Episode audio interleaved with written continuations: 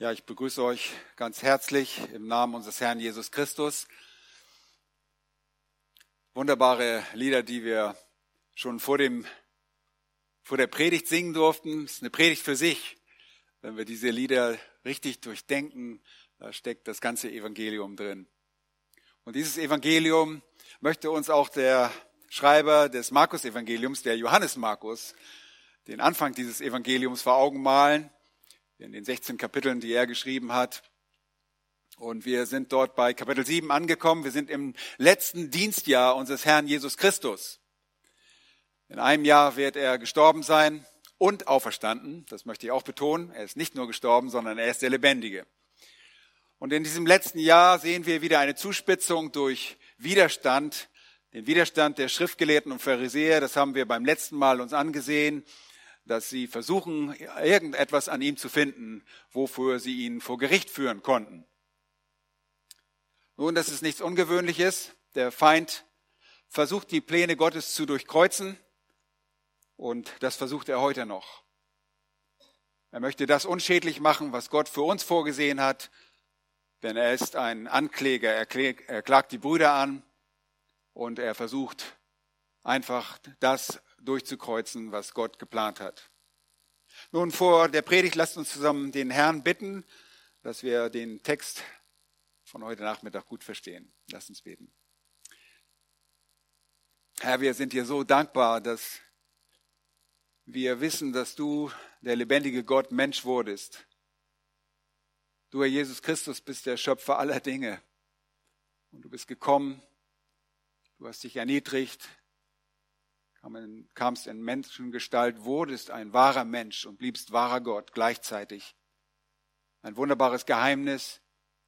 Danke, dass du so aufgrund deines Verdienstes, deines Gehorsams und deines stellvertretenden Kreuzestodes so die Schuld auf dich nehmen konntest und uns eine Gerechtigkeit verleihen konntest, die vor dir und vor dem Vater ewig Bestand hat. Dafür danken wir dir.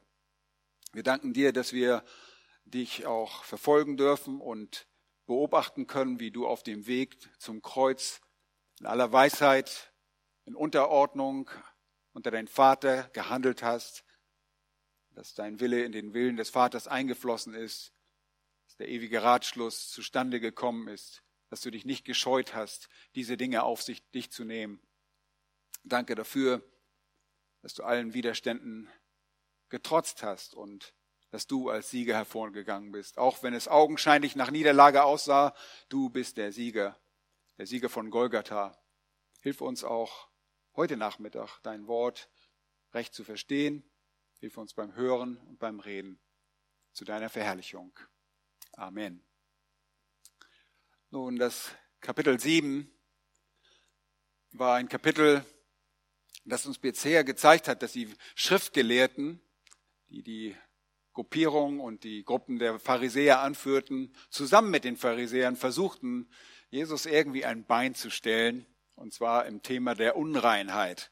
Und zwar beklagten sie, dass Jesu Jünger mit ungewaschenen Händen das Brot aßen.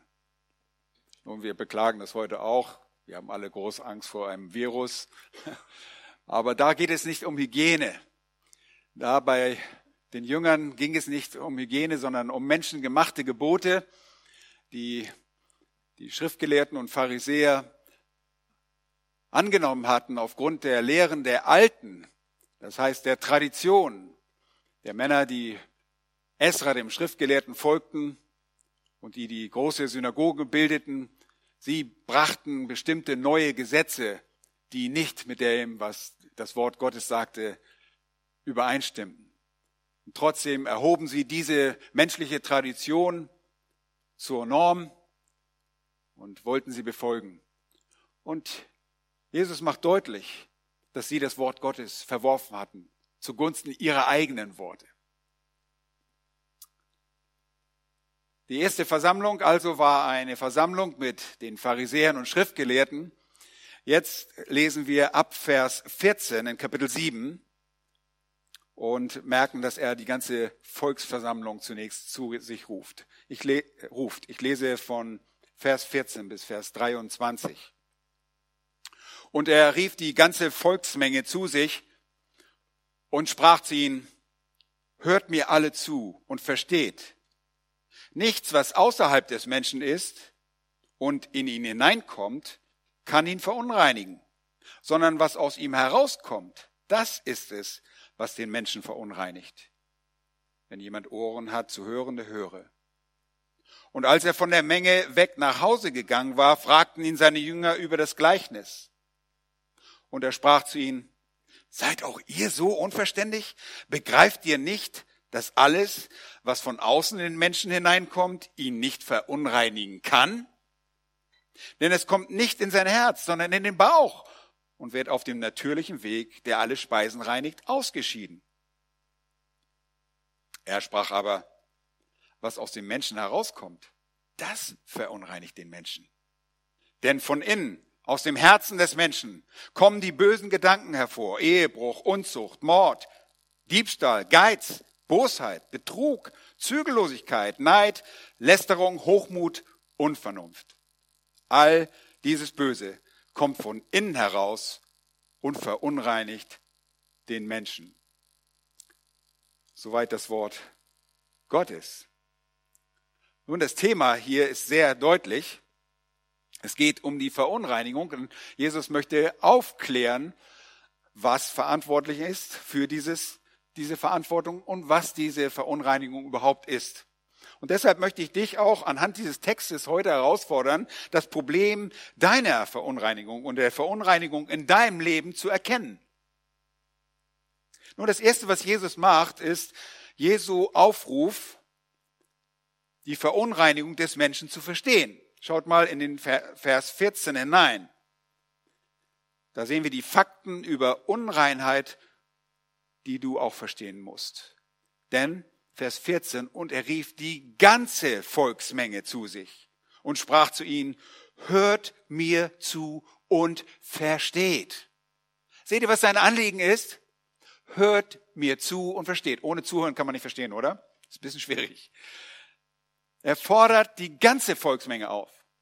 Hat er zunächst mit den Schriftgelehrten und Pharisäern gesprochen, jetzt wendet er sich der gesamten Volksmenge zu.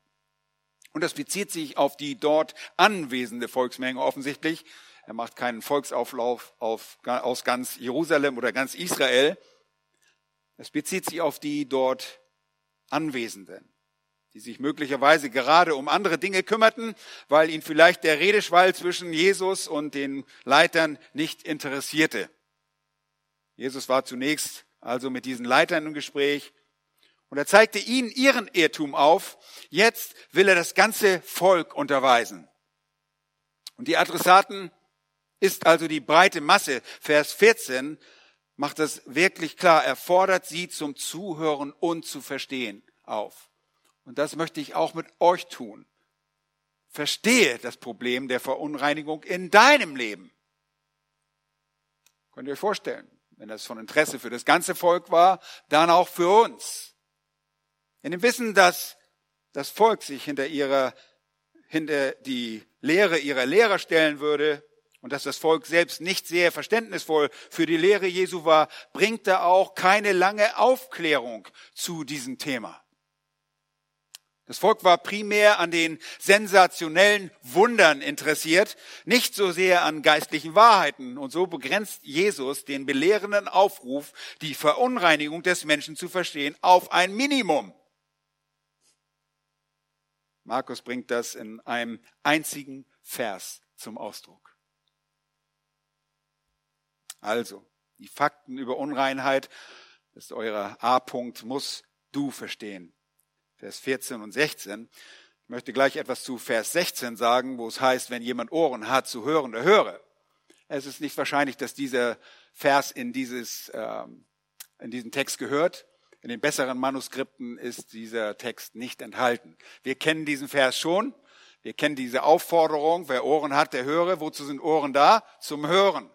Und zwar nicht, dass sie da rausgehen und wieder da raus, sondern wirklich zuzuhören aber selbst wenn dieser Vers nicht dort war und er in einigen Skripten hinzugeführt worden sind, ist, verstehen wir, Jesus fordert auf, hört mir zu, hört alle zu, sagt er.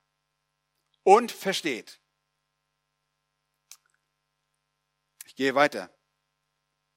Jesus macht ganz deutlich klar, B, nicht das Äußerliche, was in dich eindringt, macht dich unrein. Vers 15a. Sehr deutlich. Nichts, sagt er, was außerhalb des Menschen ist und in ihn hineinkommt, kann ihn verunreinigen. Und Jesus drückt das einfach zunächst negativ aus und nur allgemein und wirklich sehr, sehr knapp, was die menschlich verunreinigen kann. Alles, was von außerhalb in ihn hineinkommt, kann den Menschen nicht verunreinigen. Nun, wir könnten sofort Einspruch erheben, wenn wir nicht den Kontext beachten, den Zusammenhang. Können wir jemanden verunreinigen? Können wir jemanden vergiften? Können wir jemanden dreckig machen? Oh ja, wir können ein bisschen Arsen in die Körper eines Menschen kippen, da wird er schon ein bisschen verunreinigt. Aber hier geht es nicht um eine physische, medizinische Verunreinigung, sondern um moralische Verunreinigung. Und das wurde schon in Kapitel 7, Vers 2, als es darum ging, dass die Jünger nicht mit gewaschenen Händen Brot aßen, kritisiert. Die Juden glaubten tatsächlich und haben die Regularien, die Gesetze der Alten angenommen, dass durch einen bestimmten Fehlverhalten in, in der zeremoniellen äh, Vorgehensweise oder beim Essen, wenn bestimmte äh, ähm, Vorschriften nicht beachtet wurden, dass der Jude sich auf diesen Weise verunreinigen würde und so durch die Verunreinigung letztlich der Tod die Folge ist. Ich habe das letztes Mal euch gezeigt bei der Waschung von Händen, als ich von äh, dem Rabbiner Akiva berichtet habe, der sogar im Gefängnis, in seiner Notlage, das Wasser eher dazu benutzen wollte, äh, die Hände zu waschen, als es zu trinken, der bereit war, dafür zu sterben, damit er bei Gott leben kann, um diese äußerlichen Dinge einzuhalten. Jesus bringt jetzt eine Korrektur. Nichts, was außerhalb von uns liegt und in den Menschen hineingeht, verunreinigt ihn moralisch. C ist die innerliche Unreinheit, die aus dir heraustritt, ist das Dilemma. Vers 15b, die zweite Hälfte, wird eingeleitet mit einem Sondern. Sondern, was aus ihm herauskommt, das ist es, was in den Menschen verunreinigt, was den Menschen verunreinigt. Nun, der, diese Ausdrucksweise ist nicht immer ganz leicht zu verstehen. Jesus gibt in der zweiten Hälfte von Vers 15 eine allgemein anwendbare, grundsätzliche Erklärung dafür, was das Problem des Menschen ist. Es ist nicht etwas, von, was von außen in den Menschen eindringt, was ihn verunreinigt, sondern ein innerliches Problem, das nach außen tritt und den Menschen in seinen Worten und Taten verunreinigt. Ihr Lieben, das, was aus dir herauskommt, ist in dir drin. Wenn du am Morgen in dein Badezimmer gehst und die Tube mit der Zahnpasta drückst, kommt das raus, was dort drinnen ist. Okay? Und so ist es auch mit dem Menschen. Die Verunreinigung aus dem Menschen spricht von einer bereits vorhandenen Verunreinigung im Herzen, die dann austritt und sich zeigt in Taten und auch in Worten. Das, was im Innern ist, kann da nur gedanklich vorhanden sein. Hier geht es um Gedanken, die gedankliche innerliche Verunreinigung. Es ist weder etwas, was gesprochen wurde, noch etwas, was in der Tat umgesetzt wurde. Da aber das Denken des Menschen das Leben bestimmt, tritt die Verunreinigung, die Bosheit der Sünde, der Gedanken, immer auch nach außen. Und deshalb, ihr erinnert euch an Sprüche Kapitel 4, den wir auch sehr betonen, sagte Salomo, mehr als alles andere behüte dein Herz, denn von ihm geht das Leben aus. Okay. Das Herz, das was in deinem Innern ist, bei den Juden der Sitz der Persönlichkeit, ist das, was dich ausmacht, deine Person ausmacht, dringt nach außen. Und so kurz ist dieser erste Punkt. Er sagt ihnen nur ganz kurz, mit ein paar wenigen Worten, die sicherlich sehr viele Fragen offen lassen, aber das Volk war zufrieden. Keine Fragen, alles angenommen, gehört, es geht vorbei. Es war nicht das Anliegen von Jesus, hier eine ausgewogene und eine ausgeweitete Theologie zu lehren über den inneren Menschen und über die Sünde. Das ist nicht sein Anliegen. Er wollte einen Punkt klarstellen. Lieben Pharisäer, ihr lieben Schriftgelehrten, ihr habt es verkehrt gesehen. Ihr habt Dinge angenommen, die nicht Gottes Wort sind. Ihr habt die mündliche Überlieferung, das ist die Tradition der Alten, zu eurem Maßstab gemacht, habt sie über den schriftlichen Maßstab des Wortes erhoben. Und da gibt es ein riesiges Problem. Eure Verunreinigung, die ihr anprangert, die kommt nicht aus externen Gründen. Die kommt nicht von außen in den Menschen, sondern sie ist im Menschen, weil das menschliche Herz bereits verdorben ist und sie tritt nach außen hervor. Nun, der zweite Punkt ist Jesu Erklärung über die moralische Verunreinigung. Schaut euch mal Vers 17 an. Sie folgt auf das Unverständnis der Jünger. Ihr könnt euch vorstellen, die Jünger zeigen Unverständnis. Was glaubt ihr, was das übrige Volk tut? Die haben auch nur gedacht, okay, hat irgendwas gesagt, hab, verstehen wir nicht. Hier heißt es, Vers 17, und als er von der Menge weg nach Hause gegangen war, viele glauben, dass es Kapernaum ist, aber es muss nicht das Haus in Kapernaum sein, es kann ein Haus irgendwo in Galiläa sein, denn Jesus hatte bereits den Dienst primär in Galiläa, äh, in Kapernaum verlassen und er reiste in Galiläa herum. Aber als er nach Hause gegangen war, und lass es Kapernaum sein, denn dort waren Familien, Petrus hatte dort Familie, wir wissen das, kommen die Jünger auf ihn zu und fragten ihn über dieses Rätselwort, so kann man auch Gleichnis auch übersetzen. Sie waren einfach überfragt. Sie wussten nicht, was bedeutet das. Sie erfolgt also Punkt A auf das Unverständnis der Jünger. Haben wir das irgendwo schon mal erlebt bei den Jüngern? Mehrfach betont Johannes Markus, dass sie unverständlich waren. Und das bleiben sie auch noch für eine ganze Weile. Sie bleiben unverständlich.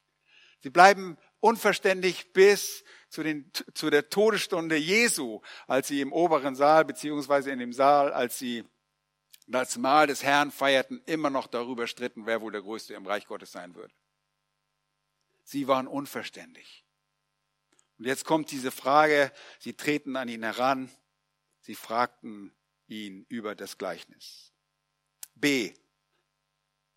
Die Belehrung zeigt, dass die Verunreinigung nicht durch eindringende Speisen erfolgt.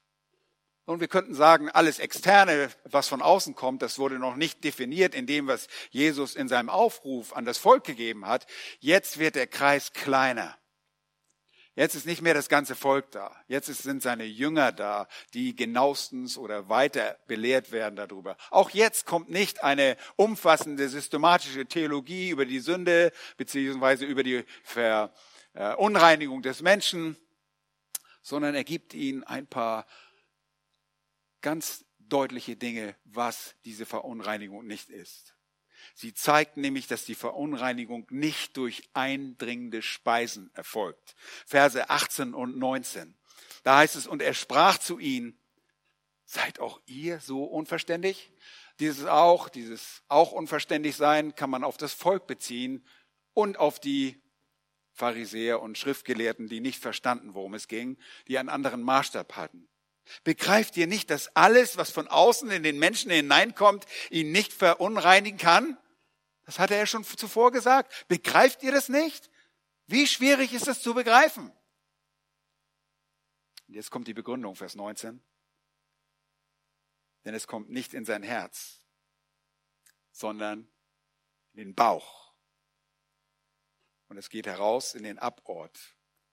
Beziehungsweise hier gibt es eine Textvariante, in Vers 19 in der Schlachter lesen wir, es geht in den Bauch und wird auf dem natürlichen Weg, der alle Speisen reinigt, ausgeschieden. Okay. Die Elberfelder sagt, es geht heraus in den Abort. Damit erklärte er alle Speisen für rein. Seht ihr die Textvariante?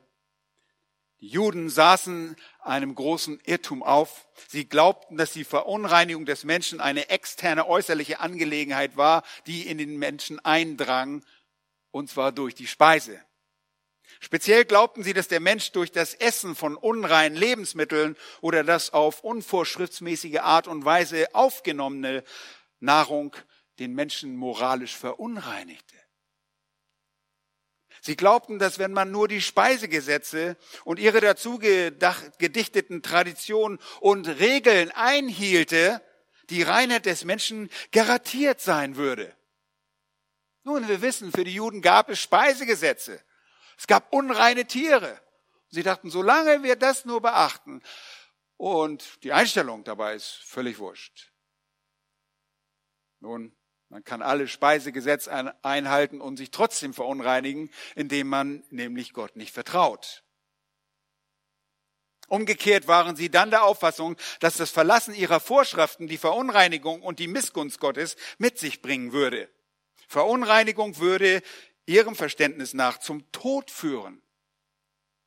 Deshalb sagte Rabbiner Akiva, lieber verdurste ich und sterbe physisch, aber lebe bei Gott, wenn ich mir die Hände wasche im Gefängnis, wo er das Wasser so dringend brauchte zum Trinken.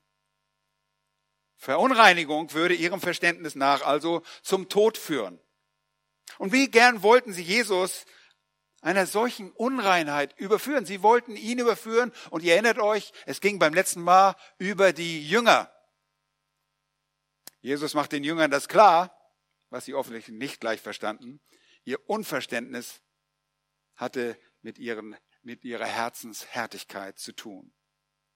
Und wirklich, sie begegnet uns auch noch in anderen Kapiteln des Markus-Evangeliums. Sie begriffen nicht, und wenn dann nur sehr langsam. Auch hier zeigt er ihnen negativ ausgedrückt, was Dinge, die in den Menschen dass, dass wenn Menschen Dinge in den Menschen kommen, dass sie nicht unverunreinigend wirken. Sagt, begreift ihr nicht, dass alles, was von außen in den Menschen hineinkommt, ihn nicht verunreinigen kann? Vers 19 ist der Schlüssel, um welche Art der Verunreinigung es Jesus wirklich geht. Und er begründet seine belehrende Frage und Zurechtweisung in Vers 18, denn, äh, oder es ist Vers 19, denn er sprach, denn es kommt nicht in sein Herz, sagt er. Es kommt nicht in sein Herz. Wenn du was isst, geht es nicht in das Herz. Und wir sprechen hier nicht von der Pumpe, wir sprechen von dem inneren Menschen.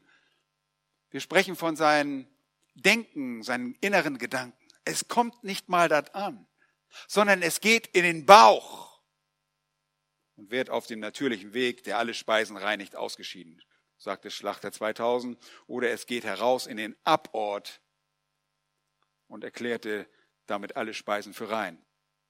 Nun, um einen Menschen zu verunreinigen, muss es in das Herz eingehen. Um jemanden moralisch zu verunreinigen, muss es dort eindringen können. Das Herz war aber im jüdischen Verständnis der Sitz der Persönlichkeit, sagte ich.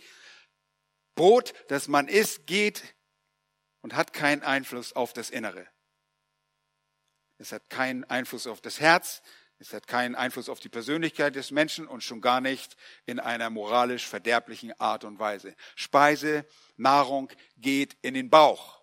Nun, hier wird nicht besonders äh, medizinisch, fachmännisch gesprochen, biologisch akkurat, äh, nicht von einem Arzt, sondern hier wird einfach umgangssprachlich gesprochen. Essen geht wohin? Es geht in den Bauch. Okay? Verstehen wir alle? Brauchen wir keine Mediziner sein. Es geht in den Verdauungstrakt. Das ist das, was er letztlich da sagen will. Er will keinen medizinischen Vortrag halten, er will nicht über medizinische Verunreinigung sprechen, sondern er spricht von moralischer Verunreinigung und die geschieht nicht, wenn Speise von den Mund in den Bauch geht, in den Verdauungstrakt. Und dann gibt er noch sogar eine erweiternde Erläuterung dafür und sagt, dort, wenn es in den Bauch geht, wird es sogar gereinigt. Und ich möchte gar nicht so ins Detail gehen, äh, was da so alles passiert und wo es dann hingeht. Das könnt ihr euch selber ausmalen. Ja, das kennen wir alle, das ist ganz natürlich. Aber das führt nicht zu einer moralischen Verunreinigung. Nochmals, hier gibt es diese ähm, Textvariante. Die Schlachter 2000 basiert auf den byzantinischen Text. Und es sagt, es kommt nicht in sein Herz, sondern in den Bauch und wird auf den natürlichen Weg, der alle Speisen reinigt, ausgeschieden. Sehr schön euphemistisch ausgedrückt, äh, keine Details, alles gut, verstehen wir. Die revidierte Elverfelder zum Beispiel 1993, die ihre Übersetzung auf den Neste Alan Text fußen lässt, überspringt die Reinigungsaussage und führt es wie folgt aus. Dann es geht nicht in sein Herz hinein, sondern in den Bauch und es geht heraus in den Abort. Im Endeffekt genau das, was auch die Schlachter sagt, nur mit anderen Worten gesagt. Jetzt kommt allerdings eine unterschiedliche Übersetzung der wie die Übersetzer das unterschiedlich weitergeben. Sie benutzen den letzten Teil des Verses und sagen, damit erklärte er alle Speisen für rein.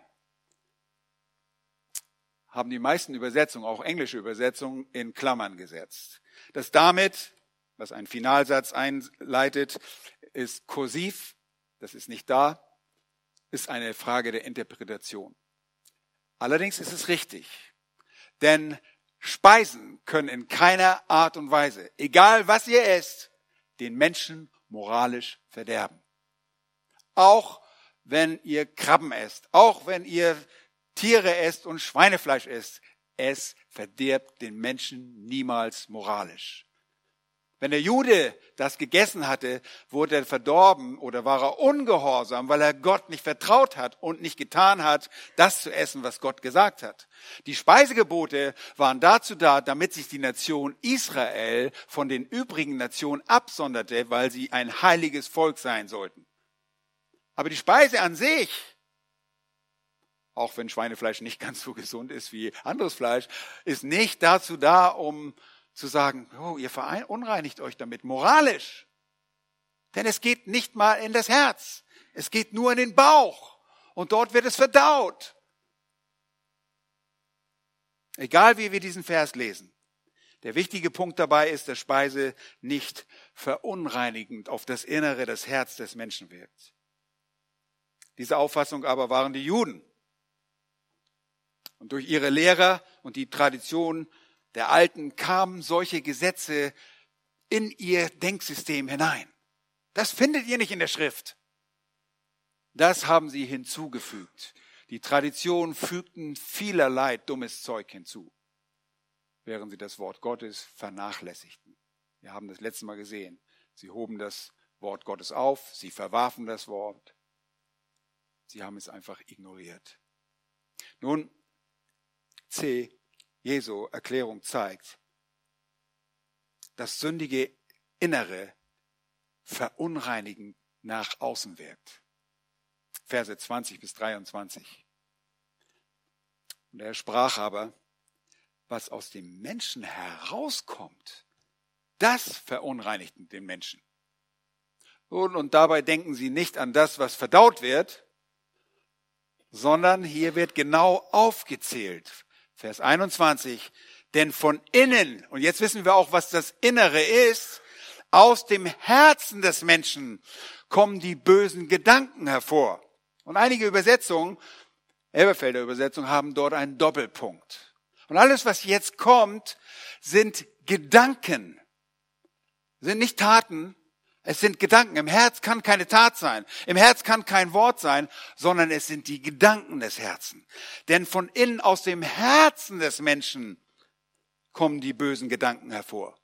Ehebruch, Unzucht, Mord, Diebstahl, Geiz, Bosheit, Betrug, Zügellosigkeit, Neid, Lästerung, Hochmut, Unvernunft. Der abschließende Satz fasst genau das alles zusammen. All dieses Böse kommt von innen heraus und verunreinigt den Menschen. Wir sehen hier das Problem der Verunreinigung ist grundsätzlich ein Problem des verderbten Herzens. Der Mensch ist von Grund auf verdorben und sündig. Und das konnten die Israeliten wissen. Und äh, wir lesen zurzeit das erste Buch Mose durch. Und ihr erinnert euch an die erste, an das erste große Gericht, nämlich die Sinnflut, als Gott die Erde vernichtete. Und ihr lest in 1. Mose Kapitel 6, Vers 5, dass das menschliche Herz total korrupt war. Das kam nur Boshaftigkeit heraus. Aber auch nach der Flut lesen wir in 1. Mose 8, 20 und 21, nach der Sinnflut, heißt es, Noah aber baute Jahwe einen Altar und nahm von allem reinen Vieh und von allen reinen Vögeln und opferte Brandopfer auf dem Altar. Und Jahwe roch den lieblichen Geruch. Und Jahwe sprach in seinem Herzen, ich will künftig den Erdboden nicht mehr verfluchen, um des Menschen willen. Obwohl, obwohl das Trachten des menschlichen Herzens böse ist, von seiner Jugend an. Auch will ich künftig nicht mehr alles Lebendige schlagen, wie ich es getan habe. Seht ihr, nicht nur vor der Sinnflut war es ein riesiges Problem, das jetzt durch die Sinnflut Heilung brachte und Klarheit für die Menschen, dass sie sich ja nicht mehr versündigten. Sie hatten ihr Leben nicht im Griff, weil sie ein verdorbenes Herz hatten. Obwohl das Trachten des menschlichen Herzens böse war, lässt Gott den Menschen leben. Und das verderbte Herz ist ein verderbtes Herz von Jugend auf. Und da, David drückt es so wunderbar aus, wenn er im Psalm 51 und Vers 7 sagt, siehe, in Schuld bin ich geboren, in Sünde hat mich meine Mutter empfangen. Später sagt er in Psalm 58, Vers 4, eine unterstreichende Wahrheit, da sagt er, die Gottlosen sind abtrünnig von Mutterleib an. Von Mutterleib an. Die Lügner gehen auf dem Ehrweg von Geburt an. Die können doch gar nichts dafür. Nein, sie können nichts dafür. Sie sind in Sünde geboren. Seit dem Sündenfall ist jeder Mensch ein Sünder. Jeder Mensch hat ein verdorbenes Herz. Ein Herz, das nur boshaft herausbringt. Nichts Gutes. Wir können nichts Gutes herausbringen. Und all, alle sind unter der Sünde. Wir sind alle verunreinigt und haben ein Herz, das verdorben ist, so dass Jeremia schreibt in Jeremia 17, Vers 9, überaus trügerisch ist das Herz und bösartig. Wer kann es ergründen? Luther sagt, das Herz ist ein trotzig Ding. Nun, diese Verderbtheit ist die Verunreinigung des Herzens, die sich durch unsere Gedankenwelt manifestiert. Wir brauchen uns nicht beibringen, böse Gedanken zu denken. Es ist nicht der externe Einfluss, der ein Kain verunreinigte. Kain war nicht in schlechter Gemeinschaft, hat sich zu viele Kinofilme angesehen, die nicht so gut waren oder irgendwie gezockt. Das war das böse Herz, das in all, ihm all diese Dinge produzierte. Und ihr Lieben, diese Gedanken des Herzens, die Verunreinigung des Herzens, werden zu Worten und zu Taten. Und Paulus schreibt an die Epheser in Kapitel 2, ihr kennt diese Verse sehr wohl, da heißt es, auch euch, die ihr tot wart in den Übertretungen, wir sind gesehen, geistlich gesehen waren wir tot, wir waren nicht mal lebendig. Ihr wart tot in euren Sünden, in denen ihr einst gelebt habt, nach dem Lauf dieser Welt, gemäß dem Fürsten, der in der Luft herrscht, dem Geist, der jetzt in den Söhnen des Ungehorsams wirkt. Unter ihnen führten auch wir alle einst unser Leben in den Begierden unseres Fleisches, indem wir den Willen des Fleisches und der Gedanken taten. Das sind die Taten, die aus unserem Herzen herauskommen. Und dann sagt er, wir waren von Natur aus Kinder des Zorns, wie auch die anderen. Wie alle, die noch nicht glauben, so wie jeder andere Mensch auch. Und dieses Leben kennzeichnete uns als Kinder des Satans, als Kinder des Zorns, Kinder und Töchter des Ungehorsams. Seht ihr, das Herz ist so aktiv, produziert boshafte, böse Gedanken. Jemand sagte einmal, sehe einen Gedanken und ernte eine Tat. Sehe eine Tat und ernte eine Gewohnheit. Sehe eine Gewohnheit und ernte einen Charakter. Sehe einen Charakter und ernte ein Schicksal. Ohne Christus, ohne Gott war genau das unser Wesen, ein boshaftes Wesen. Und unsere Bestimmung und unser Schicksal sollte der Tod sein, die ewige Trennung von Gott ohne Christus. Und Paulus schreibt weiter im Epheserbrief Kapitel 2.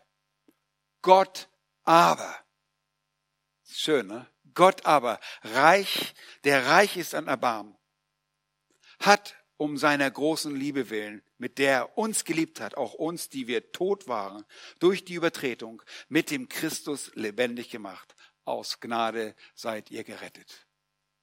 Seht ihr, trotz eines absolut verdorbenen Herzens, absoluter Verunreinigung, wahrer moralischer Verunreinigung, hat Christus, hat uns Gott gerettet in Christus Jesus und lebendig gemacht.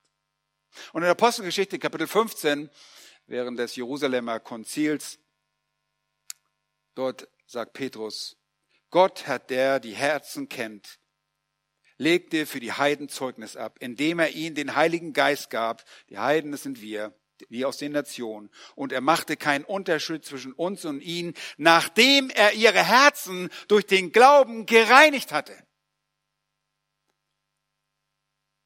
Wenn wir zum Glauben kommen, dann reinigt er unser Herz. Und der Christ hat ein gereinigtes Herz. Und zwar so rein, dass er vor Gott bestehen kann. Er wird nicht mehr gänzlich von der Sünde beherrscht. Wir sind nicht mehr unter die Sünde verkauft, weil er der Sünde gestorben ist. Wir sind nicht mehr Sklaven der Sünde, wie es einst der Fall war, so wie der Ungläubige immer noch ein Sklave der Sünde ist, aber die Sünde hört gut zu, hält uns Kinder Gottes dennoch mit den fleischlichen Leibern, einschließlich aller seiner Glieder, in Gefangenschaft. Was bedeutet das? Der Christ ist fähig, sich in all diesen Bereichen, die jetzt angeführt werden, zu sündigen. Und er lebt deshalb auch aus beständiger Gnade und sucht immer wieder die Reinigung von seinen Sünden. Und es besteht auch ein Bedarf der Reinigung. Denn wir sind von, für den gesamten Katalog von aufgeführten Beispielen und Kategorien der Sünde anfällig. Wir sind auf alles anfällig.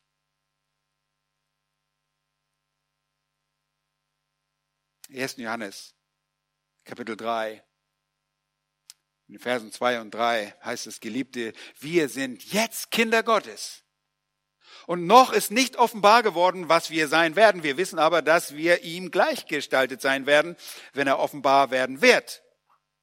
Denn wir werden ihn sehen, wie er ist. Und jeder, der diese Hoffnung hat, nämlich dass wir ihn sehen werden, wie er ist, der reinigt sich, gleich wie auch er rein ist. Und hier geht es um ein fortlaufendes, sich immer wiederholendes Reinigen. Wir kommen nicht aus ohne diese Reinigung. Und das machte Jesus sehr deutlich. Erinnert euch an äh, Johannes 13 bei der Fußwaschung. Als Petrus sieht den Herrn auf sich zukommen.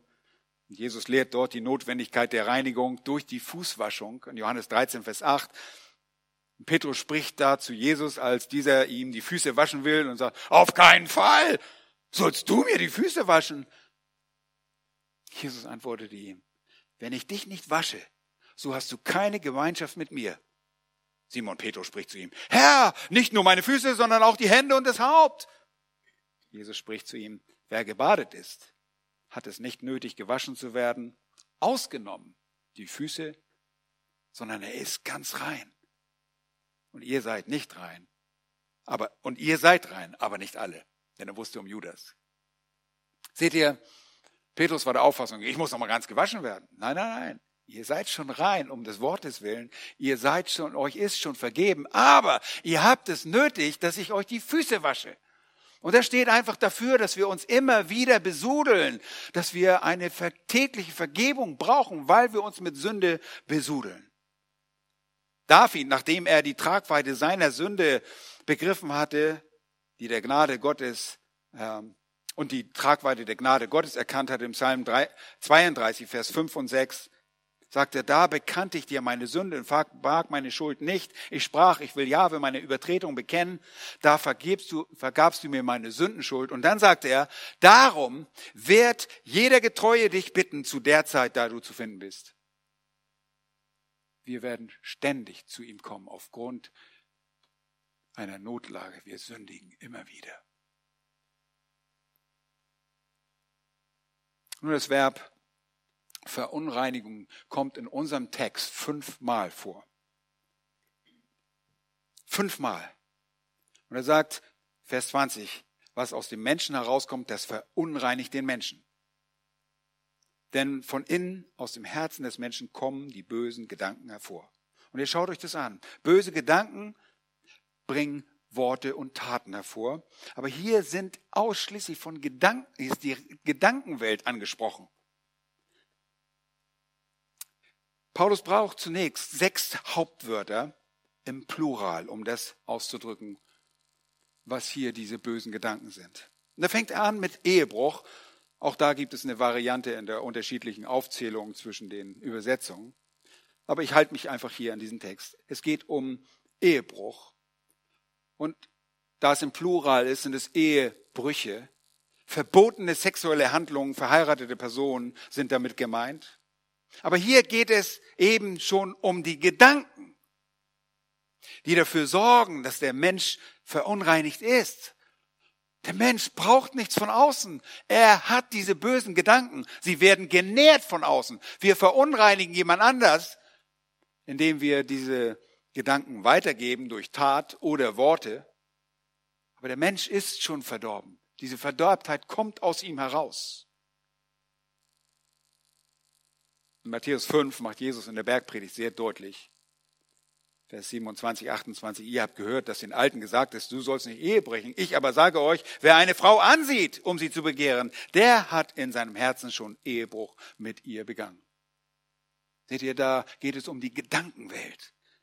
Und das Volk sollte begreifen, dass nicht die Tat an sich nur verunreinigend und sündig ist, sondern dass der Gedanke dafür ausreicht, um einen Ehebruch begangen zu haben. Und so sind wir vom Wort Gottes, werden wir im Prinzip alle überführt, dass wir des gesamten Gesetzes schuldig geworden sind. Weil das nicht nur eine Frage der Tat ist, es ist in deinem Herzen, wenn du diese Dinge in deinem Herzen bewegst. Sie sollten den Geist, das Volk sollte den Geist des Gesetzes, das Wesen der Gebote Gottes verstehen. Sie konnten sicherlich nach außen hin glänzen. Oh, das haben wir nie gemacht. Oh, ihr Heuchler, sagt er. Ihr seid innerlich total verdorben.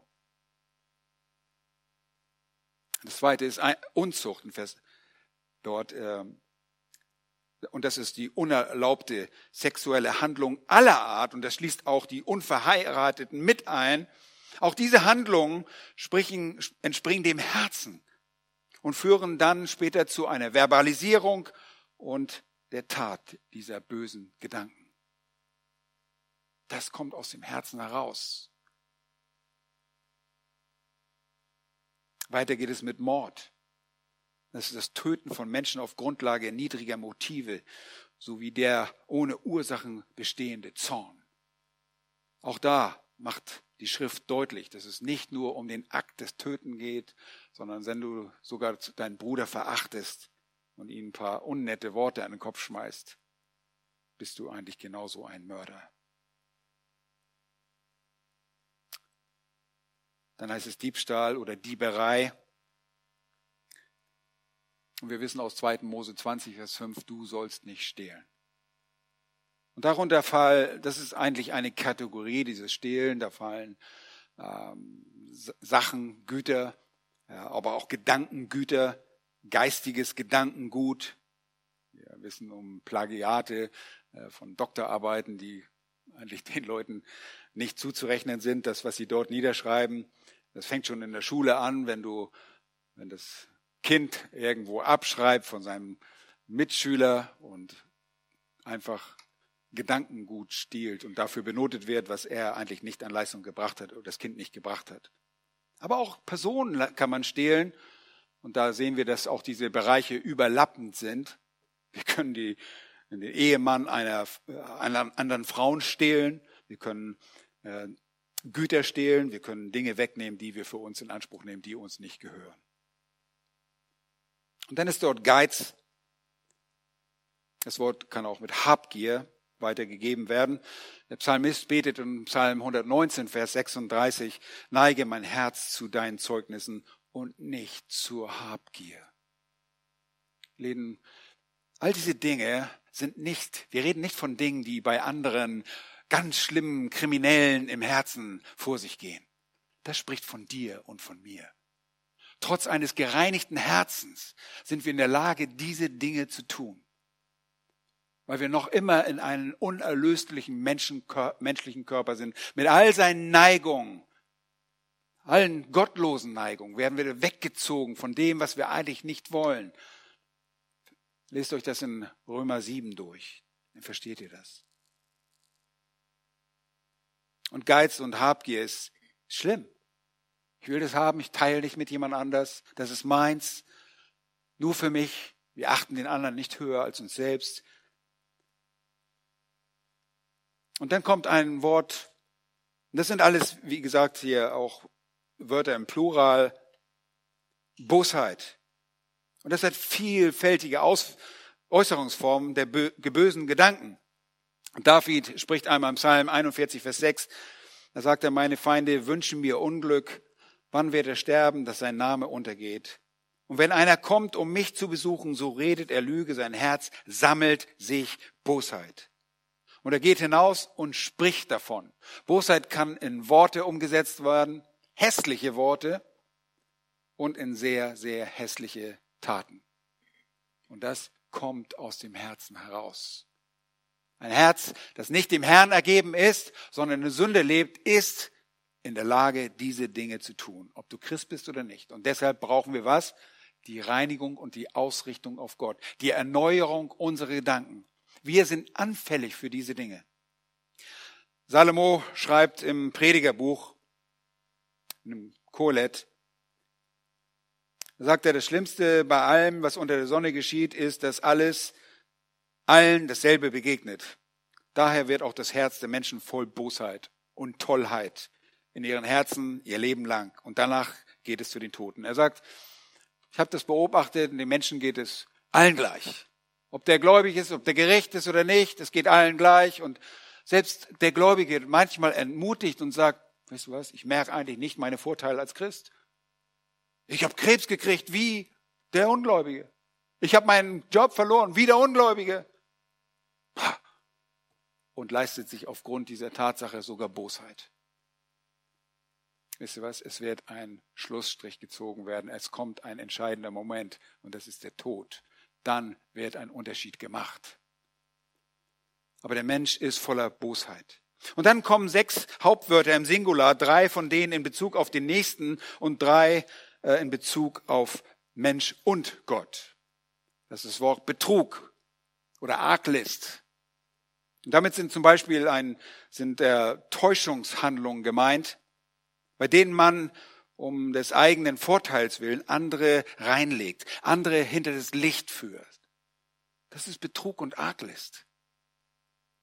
Im Altertum, wenn man Vasen verkauft hat, die gesprungen waren, hat man sie mit Wachs ausgekleidet und die Kenner wussten das, die konnten sie gegen Licht halten und konnten sehen, da ist ein Sprung drin. Aber man wollte den anderen hinters Licht führen, um eine Vase zu verkaufen, um möglichst viel Geld zu holen, obwohl die Vase eigentlich dahin war.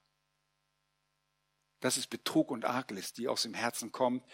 Und das ist gegenüber dem anderen, dem Nächsten. Zügellosigkeit spricht er hier an Ausschweifung in Maß und schamloses, unmoralisches Verhalten äußert sich das. Und diese Dinge laufen alle in Gedanken ab. Das sind nicht nur Taten. Ich habe jetzt auch von Taten gesprochen, aber das sind Dinge, die dir im Kopf zunächst aufgehen. Du denkst diese Dinge bewusst durch oder unbewusst, manchmal auch unbewusst, ja. Aber du denkst es durch und hier laufen Dinge in deinem Kopf ab. Das ist das Kopfkino. So bosartig ist unser Inneres, unser Herz. Und dann ist da Neid. Beziehungsweise Missgunst. Wörtlich ist das böser Blick. Der böse Blick. Jemanden argwöhnisch betrachten und anblicken, weil man jemanden etwas nicht gönnt. Absoluter Neid, Missgunst. Das könnt ihr euch sehr gut feststellen, vorstellen, wie das ist in Gedanken. Das läuft alles in Gedanken ab. Und dann kommen die letzten drei, insgesamt sind es zwölf. Und die drei können in Bezug auf Mensch und Gott gehegt werden. Da kommt das Wort Blasphemie, Lästerung, schmähende und verleumderische Äußerung gegen Gott und anderen Menschen, die du denken kannst, bevor sie über deine Lippen kommen oder auch in Handlungen ausgedrückt werden. Ganz besonders hässlich ist der Stolz. Stolz ist etwas, was Gott ganz besonders hasst. Und das griechische Wort kommt im Neuen Testament, das hier erwähnt wird, nur, nur an dieser Stelle vor, aber bezieht sich auch auf die sündigen Gedanken, die der Mensch in Bezug auf Gott und seinen Nächsten pflegen kann. Hochmut, sich über Gott erheben, sich über andere Menschen erheben. Kennen wir das irgendwo? Ich weiß, ihr seid nie hochmütig. Tolle Gemeinde. Ihr sitzt so brav da und, ja, stimmt das? Gut, ihr seid alle heilig. Und dann kommt die Vernunft, Unvernunft, die Torheit. Torheit ist geistliche, moralische Stumpfheit. Der Tor spricht in seinem Herzen, es gibt keinen Gott. Und das denkt er in seinem Herzen. Und dann, wenn er so töricht ist, dann erwächst das aus seinem Herzen in Worte. Und er propagiert, es gibt keinen Gott. Und dann handelt er, es gibt keinen Gott. Er handelt nämlich genauso, dass es nämlich keinen Gott gibt. Aber das alles sind Gedanken, die aus einem verunreinigten Herzen herauskommen. Deshalb, wir brauchen einmalige Vergebung, die uns was gewährt? Rechtsprechung. Wir sind gerecht gesprochen. Wir haben richterliche Vergebung. Das ist die einmalige, das einmalige Bad der Wiedergeburt, wo wir gereinigt werden. Wir müssen nicht von neuem gebadet werden. Petrus, das brauchst du nicht. Aber ich muss dich waschen, deine Füße. Und ihr wisst, wenn man über das staubige Land Israel oder durch diese Gegend läuft, manchmal ist es staubig, manchmal ist es matschig, wenn es gerade geregnet hat. Und ihr möchtet nicht gerade mit jemandem zu Tische liegen, der euch seine Schweißfüße mit Staub beklebt in euer Gesicht legt. Ja, die, die lagen zu Tische. Ja, das ist nicht angenehm. Und deshalb brauchten sie immer wieder Reinigung, so wie wir immer wieder Reinigung brauchen von unserer täglichen Besudelung. Zusammenfassend und bestätigend endet Jesus seine Erklärung. Und ich weiß, dass ich hier sehr viel reingelegt habe und es bedarf eigentlich einer viel weiteren äh, Theologie hier. Ich wollte es möglichst einfach machen. Zusammenfassung bestätigen, endet er einfach seine Erklärung und sagt, all dieses Böse kommt von innen heraus. Es ist schon vorhanden in dir. Und indem es aus dir herauskommt, verunreinigst du noch andere. Andere sind nämlich dafür empfänglich, was sie an bösen Dingen hören und sehen und du auch mit ihnen tust. Die werden dadurch angestachelt. Dein Böses wird nur noch böser. Deshalb müssen wir uns dem verweigern und sagen, nein, ich tue das, was Gott wohlgefällig ist. Mein böses Herz braucht keine negativen Einflüsse. Im Angesicht dieser langen Liste von bösen Gedanken, die deinem Herzen nicht fremd sind, bleibt es nur eine, gibt es nur eine richtige Annäherung an Gott. Und das hat David so, so gut ausgedrückt. Im Psalm 51 sagt er in Vers 19, die Opfer, die Gott gefallen, sind ein zerbrochener Geist, ein zerbrochenes und zerschlagenes Herz. Wirst du Gott nicht verachten. Ihr Lieben, wenn wir noch hochmutig vor unseren Gott treten, haben wir nicht verstanden, wer wir sind. Wir haben einfach nicht verstanden, wer wir sind. Wenn wir denken, wir sind ja noch ganz gut, haben wir nicht verstanden, wer wir sind in Gottes Augen. David sagt im Psalm 34, Vers 19, Jahwe ist nahe denen, die zerbrochenen Herzens sind. Weil Gott begnadigt gerne. Aber wir müssen zuerst zerbrechen. Und er hilft denen, die zerschlagenen Geistes sind. Er kann dir nicht vergeben, wenn du nicht erkennst, wer du wirklich bist. Im Psalm 147, Vers 3 schreibt der Psalmist, er heilt, die zerbrochenen Herzen sind und verbindet ihre Wunden. Ihr Lieben, verstehe das Problem deiner Verunreinigung. Erkenne die Tiefe deiner Sünde. Und ich habe Nachricht für euch, je mehr ihr im Glauben wachst, desto mehr werdet ihr erkennen, wie verdorben ihr seid. Und ihr denkt, ihr macht gar keine Fortschritte im Glauben. Ihr werdet immer mehr denken, wer bin ich nur? Und dann kommst du im zerschlagenen Geist demütig zu unserem Herrn und bittest ihn, dich zu reinigen. Und er wird dich nicht abweisen. Er ist treu und gerecht. Und das lernen wir gerade in dieser Woche, wie gnädig Gott vergibt wenn wir unsere Sünden bekennen.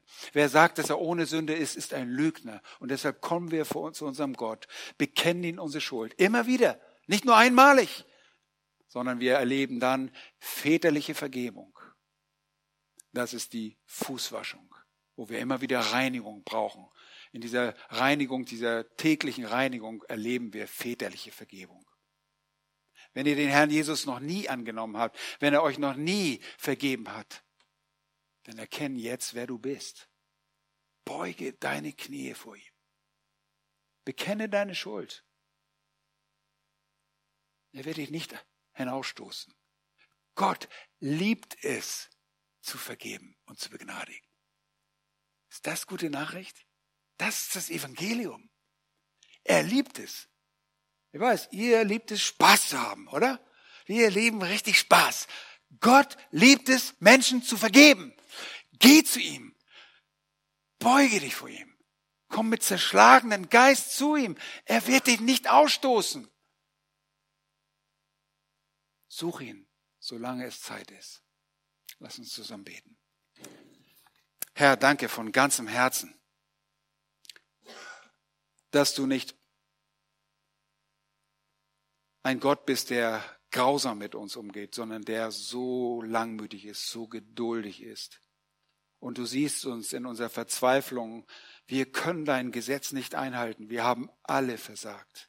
Und wir versagen immer noch. Und obwohl du uns die Kraft deines Geistes gegeben hast, leben wir immer noch in einem unerlösten menschlichen Körper und werden verleitet durch die Begierden unseres inneren Menschen. Herr, vergib uns. Herr, wir wollen das tun, was dir wohlgefällig ist und wir erkennen, dass uns das nicht immer gelingt. Danke, dass du uns so verändert hast, dass wir Verlangen danach haben, dir zu gehorchen, das zu tun, was dir wohlgefällig ist. Danke, dass du uns auch tatsächlich veränderst. Herr, dass wir überhaupt nicht mehr die Sünde genießen können, weil das nicht unser wahrer Mensch ist. Herr, wenn wir sündigen, dann sind nicht wir das, dann ist das nicht der, der neue Mensch, sondern es ist die Sünde, die uns lebt, für die wir dennoch Verantwortung haben. Wir wollen sie ablegen. Die Sünde, die uns so leicht umstrickt, die wollen wir ablegen, immer wieder und immer neu. Reinige uns, erbarme dich, unser. Und danke für die Tatsache, dass moralische Verunreinigung nicht eine Sache von externen Faktoren ist, nicht von Nahrung und Speise oder irgendwelchen Ritualen, sondern du kennst unser verdorbenes Herz wir wollen uns neu ausrichten und gehorsam sein. Hilf uns dabei bis zum Ende, um deines Namens willen. Amen.